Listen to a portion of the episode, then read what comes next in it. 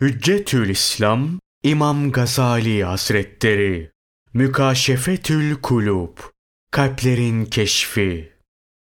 Mescit ve camilerin fazileti. Şanı yüce olan Allah Celle Celaluhu buyurdu. Allah'ın mescitlerini ancak Allah'a ve ahiret gününe inanan, namazı dosdoğru kılan, zekatı veren, ve Allah'tan başkasından korkmayan kimseler imar eder. İşte doğru yola ermişlerden olmaları ümid edilenler bunlardır.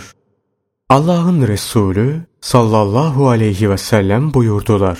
Kim Allah için bir mescit yaparsa, bir kuş yuvası kadar bile olsa, Allah Celle Celaluhu da onun için cennette bir köşk yapar. Mescitte ülfet edeni Allah Teala himayesine alır. Sizden biri mescide girince oturmadan önce iki rekat namaz kılsın. Mescide yakın olan namazını mutlaka mescitte kılsın. Sizden biri namaz kıldığı yerde konuşmayıp kaldığı müddetçe melekler ona salatu selam ederler ve derler ki Allah'ım ona selamet ver. Allah'ım ona merhamet et. Allah'ım o abdestliyken onu affet. Ahir zamanda ümmetimden bir kısım insanlar zuhur eder. Mescitlere gelirler. Oralarda halka halka, grup grup otururlar. Bütün zikirleri ve fikirleri dünya ve dünya sevgisidir. Onlarla oturmayınız. Allah'ın onlara ihtiyacı yoktur. Şanı yüce olan Allah Celle Celaluhu bazı mukaddes kitaplarda şöyle buyurur.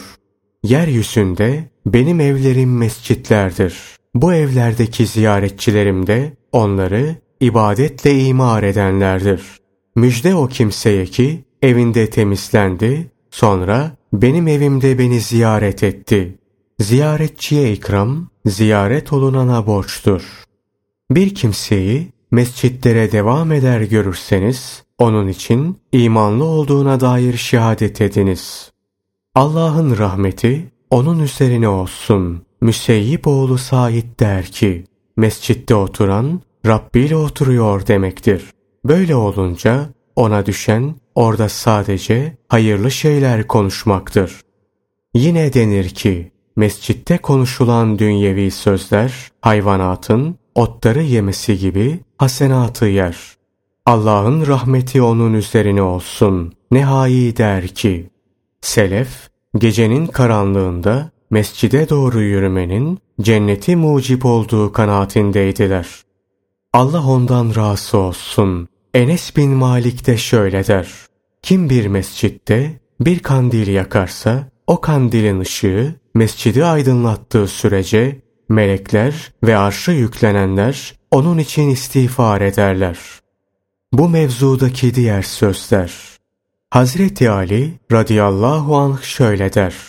Kişi ölünce yeryüzünde namaz kıldığı yer ve gökte amelinin çıkarıldığı yer onun için ağlar. Hazreti Ali radıyallahu anh böyle dedikten sonra şu ayeti okur.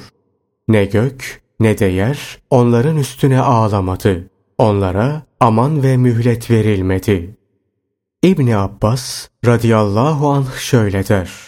Mümin kişi ölünce yeryüzü 40 gün onun için ağlar.